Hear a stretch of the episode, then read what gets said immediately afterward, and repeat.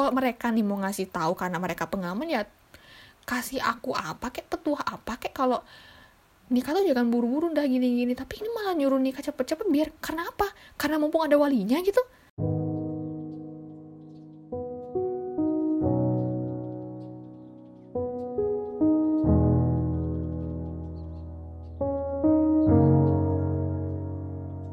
Selamat malam pendengar katanya podcast. Baik lagi sama Indah Buat nemenin istirahat kamu.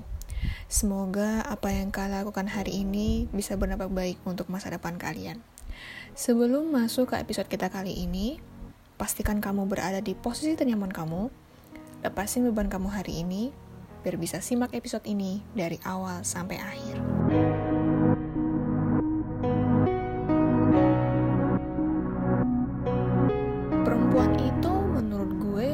bisa jadi apa aja yang dia mau. Sering banget perempuan dianggap sebelah mata, entah dari segi profesi yang dia geluti, ataupun dari keputusan yang mempengaruhi dirinya. Dulu pernah nih ada temen cowok gue bilang, lo akan menjadi seorang ibu nantinya dah. Gue bilang, oh ya, karena gue kan perempuan nih, ya pasti suatu saat gue nantinya bakal jadi ibu gitu ya pikir gue saat itu ya kayak gitu waktu itu. Tuhan memberikan kelebihan kepada perempuan yaitu mengandung dan melahirkan. Gue dulu mengira bahwa semua perempuan di dunia ini ujung-ujungnya bakal menjadi seorang ibu. Tapi ternyata enggak semua perempuan pengen jadi ibu. Mungkin ini kedudukannya sama dengan laki-laki yang di mana enggak semua laki-laki pengen menjadi seorang ayah. Kita hidup di budaya timur yang Seringkali kalau masalah relationship, kita dituntut lingkungan, bahkan keluarga sendiri untuk segera menikah. Apalagi kalau kita udah mencapai umur 27 tahun. Seolah-olah umur 27 tahun ini adalah umur sakral dan batas standar yang dipasang orang-orang. Padahal valid juga enggak sih kayaknya. Gue pernah debat sama teman-teman SMP nih jadi di sebuah ruangan itu ada tiga orang termasuk gue. Kayaknya sih kita agak iseng ngobrolin ini, tapi lama-kelamaan iseng ini berubah jadi serius gitu. Nah, kita lagi itu ngomongin masalah kapan menikah. Nah, jadi di dalam ruangan itu bertiga. Ada salah satu teman gue yang udah nikah dan punya anak, dan satu lagi, satunya lagi tuh masih pacaran. Nah, gue doang ini yang gak punya pacar. Nah, teman gue yang masih pacaran, sebut saja si B itu ditargetin umur 25 itu udah menikah sama orang tuanya. Sedangkan saat itu dia udah umur sekitar 22 atau 23 tahun. Itu artinya kalau misalkan dia waktu itu umur 23 tahun, berarti 2 tahun lagi dia harus udah nikah. Nah, saat giliran gue ditanya, kapan lo udah nikah? Nah, gue bilang, gue pengennya menikah itu umur 30 gitu. Nah, teman gue yang udah nikah ini ya sebut saja si A bilang, ya jangan 30 dong dah, batasnya kan umur 27 tahun. Soalnya, kalau umur 30, itu bakal susah lahirannya gitu. Gue nggak tahu gitu loh dari mana standarisasi ini muncul, kapan, siapa yang buat, seolah-olah hanya diperbolehkan hidup single itu sampai umur 27 tahun, karena alasan nanti susah mau lahiran. Gue langsung bilang kalau gue menikah umur 27 tahun, tapi baru dikasih anak umur 30 tahun, itu gimana kan sama aja gitu loh.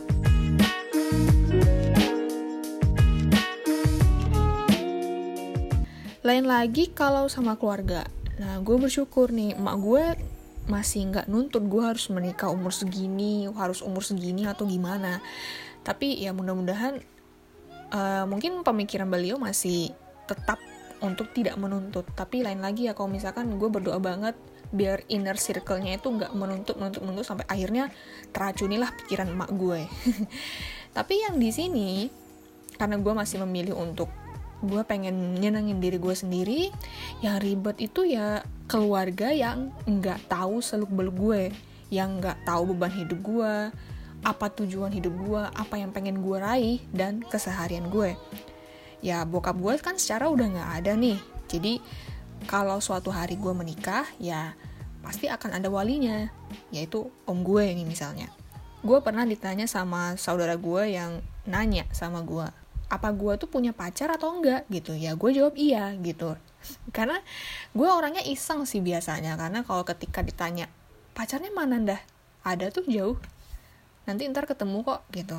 Gue bilang iya iya iya biar urusannya selesai gitu loh. Gue bales gitu harus kalau misalkan gue bilang nggak punya terus habis itu disuruh cari aduh males banget. Omongannya itu itu lagi. Nah balik lagi soal gue bilang iya tapi jauh nih orangnya alias ya masih nggak kelihatan saking jauhnya alias halusinasi gue aja gitu. Ditanya lagi pertanyaan yang sama punya pacar atau enggak itu ada selang 5 menit 10 menit 30 menit I don't know. Pokoknya dia tanya lagi pertanyaan yang sama seolah-olah ketika gue uh, jawab iya gue tuh bohong gitu. Nah sekarang gue jawab sejujur-jujurnya dong. Ya gue bilang enggak gitu. Nah nggak tahu kenapa saudara gue ini nyuruh gue cepet-cepet nikah dengan alasan mumpung masih ada walinya. Itu kayak what? Gue jawab ya gue nggak mau nikah secepat itu dong menikah tuh bukan soal ngewe halal. Aku dan kamu jadi satu rumah punya anak lalu bahagia selamanya. Itu tuh cuma dapatnya di dongeng aja gitu loh. Karena kan menurut gue ya gue makin ke sini makin banyak belajar ya. Gue banyak baca buku gue banyak baca artikel gue baca dari pengalaman-pengalaman orang gitu. Kalau menikah itu adalah suatu yang sakral di mana lo harus bisa menyatukan pikiran di kala pikiran kalian tuh beda arah tanggung jawab meredam emosi seumur hidup tinggal sama orang yang sama dalam satu rumah dan lain sebagainya ketika lo menikah lo bukan hanya menikah dengan satu orang tapi satu keluarganya men Nah, itu yang berat. Nah, gue masih mau ngejar nih apa yang ingin gue raih. Gue ingin uh, mencapai satu persatu apa yang pengen gue raih. Gue masih juga ada tanggung jawab gitu loh. Nah, ketika debat ini berlangsung, selalu mereka tuh berdalih. Kita tuh ngasih tahu karena kita pengalaman. Ya, Bu ya kalau kita kalau mereka nih mau ngasih tahu karena mereka pengalaman ya kasih aku apa kayak petua apa kayak kalau nikah tuh jangan buru-buru dah gini-gini. Tapi ini malah nyuruh nikah cepet-cepet biar karena apa? Karena mumpung ada walinya gitu. What the hell? Mau nikah sama siapa? Gitu loh. Ya nggak apa-apa kok kalian tuh ngasih saran ke gue tapi ya jangan sampai ganggu prinsip yang udah gue susun prinsip yang udah gue buat gitu. Memang kalian itu hanya menceritakan pengalaman enaknya aja. Buruknya ya kalian yang punya. Tapi seharusnya kalau kalian ingin mengajarkan aku tentang hidup pernikahan itu seperti apa ya kasih kayak petua-petua kalau nikah itu nggak seperti yang ada di dongeng dah kayak begini dah kayak begitu. Kamu harus berpikir seperti ini dah sebelum kamu memutuskan sesuatu gitu loh. Karena kalau gue nih single nih sekarang kalau memutuskan sesuatu ya mungkin gue bisa bisa memutuskan uh, dengan diri gue sendiri. Tapi kalau udah dua pikiran gue harus mutusin dengan dua pikiran dong. Nggak bisa seenaknya mengambil keputusan ketika gue udah punya pasangan gitu loh. Ya itu ya menurut aku hidup itu belajar gitu. Nah belajar itu berakhir saat kita mati. Nah buat kalian-kalian nih yang uh, ngasih tahu gue dan mengganggu prinsip yang udah gue buat nggak usah lah. Kalian tuh seolah udah merasa senior nelan pahit asam hidup. Padahal porsi kita memang berbeda minat kita tuh berbeda jalan pikir berbeda. Gue sama mak gue aja jalan pikirnya beda kok. Ya gimana gitu? Belajar itu ya seumur hidup gitu. Belajarlah untuk menghargai keputusan orang. Termasuk gue nih sebagai perempuan yang ingin bisa jadi apa yang gue mau bukan hanya dituntut yang ujung-ujungnya jadi orang yang diem di rumah ngurus anak ngurus dapur. Nggak semua perempuan itu mau seperti itu gitu loh. Kalau dia mau jadi pilot nih perempuan nih mau jadi pilot ya kasih. Mau jadi koki ya kasih. Mau jadi ibu rumah tangga silahkan mau jadi pengusaha silahkan mau jadi aktivis silahkan mau single seumur hidup silahkan perempuan tuh berhak bahagia dengan apa yang dia pilih gitu karena gue juga punya rekan relawan nih aku biasanya panggilnya ibu. Nah uh, beliau ini sampai dia umur setengah abad dia belum nikah dan aku lihat dia bahagia kok dia ngasih aku petua-petua dan itu yang aku perluin gitu. Kadang kita pikirannya itu searah gitu loh bagus gitu loh. Aku perlu kalimat-kalimat dari orang-orang yang masih mencari jati dirinya bukan semata-mata nyuruh gue untuk cepet-cepet punya pasangan gitu loh emang beda orang-orang seperti itu gitu.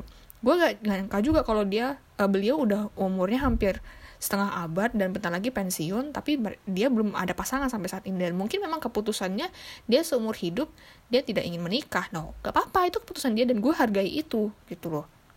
Gue cukup heran sih dengan orang-orang yang selalu mengecap perempuan yang memilih single seumur hidup. Itu tuh perawan tua atau nggak laku atau paling parah itu penyuka sesama jenis gitu loh. Paling mirisnya yang ngecap ini itu tuh sama sesama perempuan.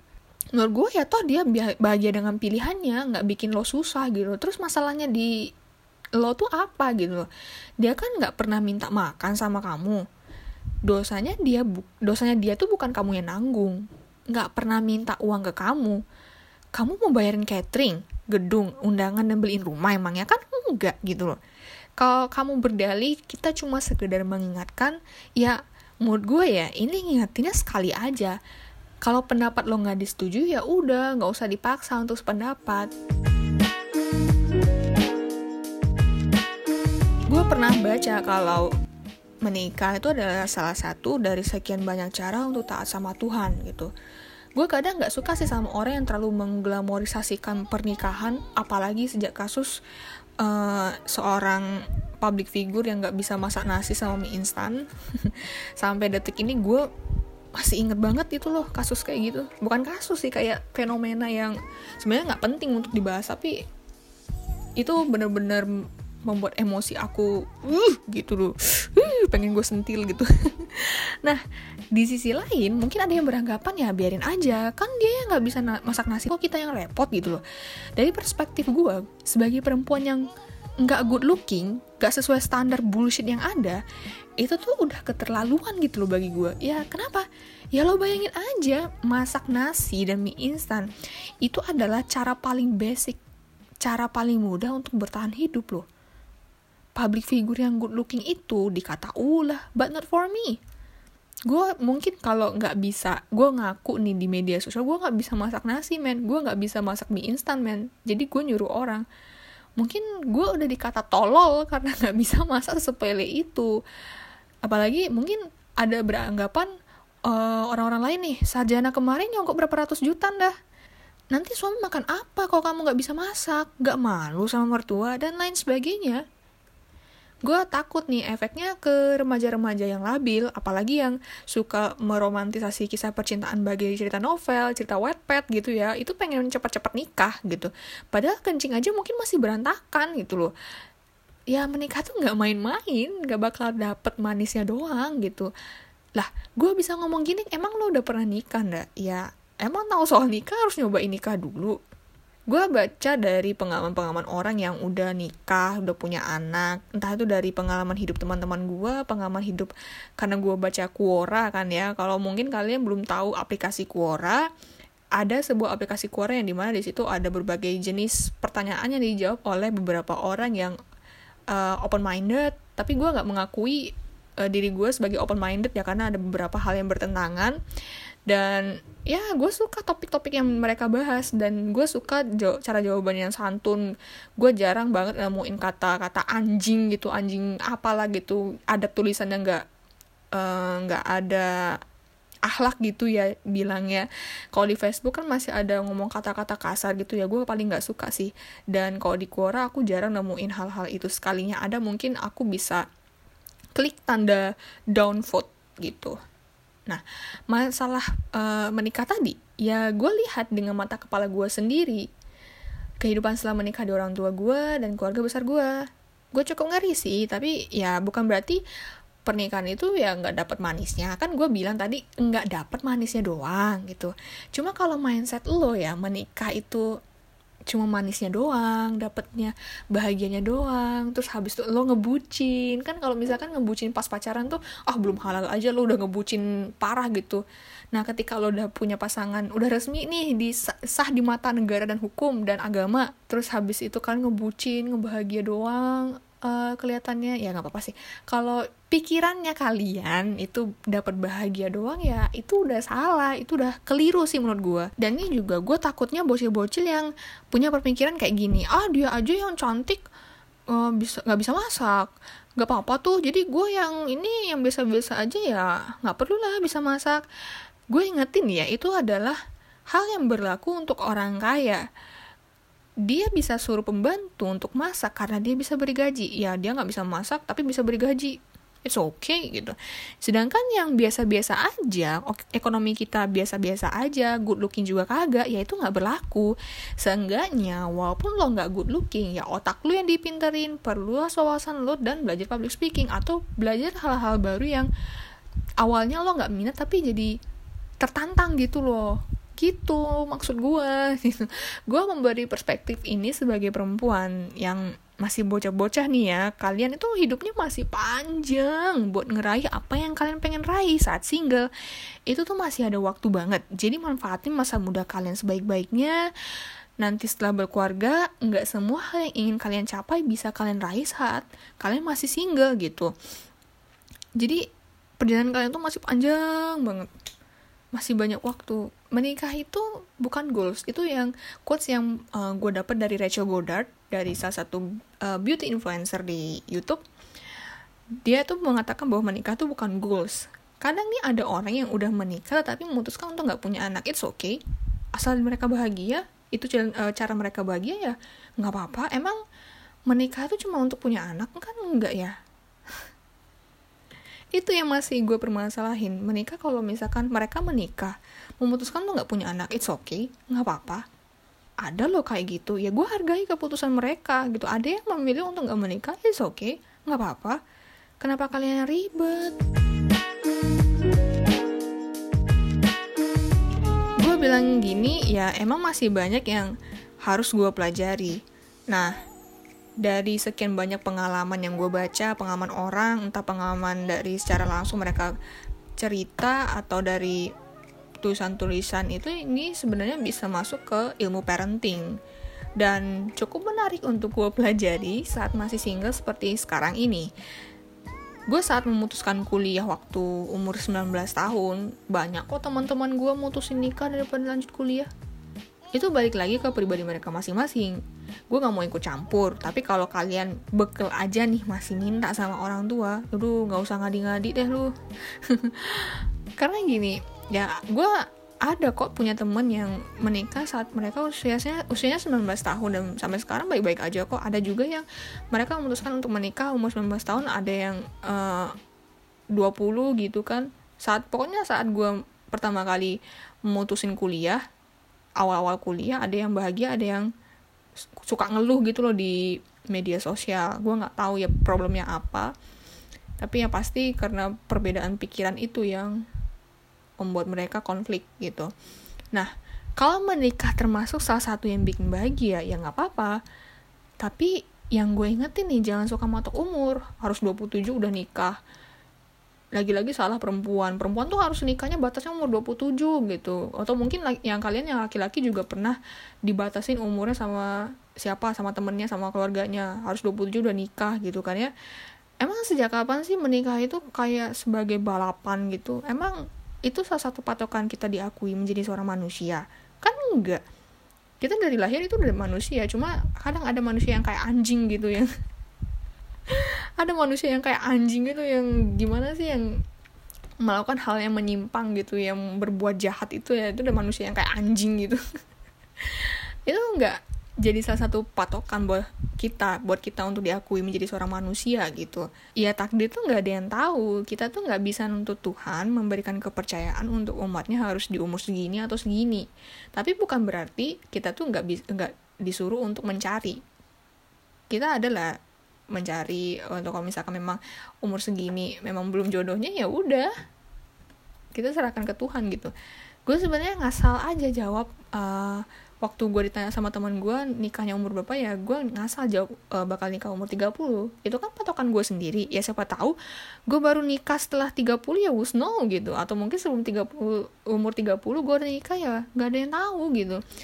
Gue sebenarnya ada sih jalan menuju pernikahan. Gue pengen nikah tapi ya aduh bener-bener gue masih belum punya bekal banyak nih buat uh, menikah itu gitu.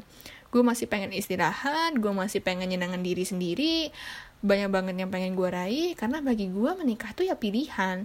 Kita bebas milih nih mau nikah nih atau kagak mau nikah umur berapa itu terserah. Gue pernah denger nih kalau nggak nikah tuh dosa. Gue beri jamin nih setelah nikah tuh pasti dosa tuh tetap mengalir gitu loh. Tuhan yang lebih tahu karena apa? Orang-orang itu dengan enak menghakimi. Dengan segala logical fallacy-nya aku nggak suka. Aku mending nggak usah debat sama aku kalau udah logik lo nggak masuk gitu. Jodoh tuh nggak ada yang tahu. Entah jodohnya di dunia bisa atau bisa juga di akhirat nanti ya kita nggak tahu. Bukan berarti gue pasrah banget nih sampai gue nggak nyari. Ya gue tetap mencari sosok itu. Gue tetap doa buat yang terbaik buat gue ya. Meski untuk soal menikah itu bukan masih belum jadi prioritas gue gitu. Semua semua manusia itu punya dosa guys. Jadi gue balik lagi soal perempuan. Perempuan tuh bebas mau jadi apa yang dia mau gitu. Udahlah hidup itu udah susah. Jangan ditambah lagi uh, susahnya dengan sok menggurui. Nanti ya lo tuh capek sendiri ya kan? Biar dunia selalu menganggap sebelah mata ya udah biarin aja capek sendiri. Karena kapasitas bahagia itu hanya diri kita sendiri yang tahu. Hanya diri sendiri yang bisa menyelamatkan diri kita sendiri. Sepertinya untuk episode kali ini aku cukupkan sampai di sini. Makasih semuanya yang udah dengerin episode dari awal sampai akhir. Bagi kalian yang mau ngasih saran, enaknya next episode kita bahas apa ya? Atau mungkin kalian punya cerita menarik? Bisa lewat DM Instagram pribadi aku at indahhidayati atau at katanya.podcast atau bisa juga lewat email di katanya podcast2 at gmail.com. Jangan lupa follow Instagramnya, dengarkan setiap episodenya, subscribe channel YouTube-nya, dan aktifkan notifikasinya biar kalian tidak ketinggalan episode katanya podcast. Aku pamit undur diri, terima kasih, dan selamat mimpi.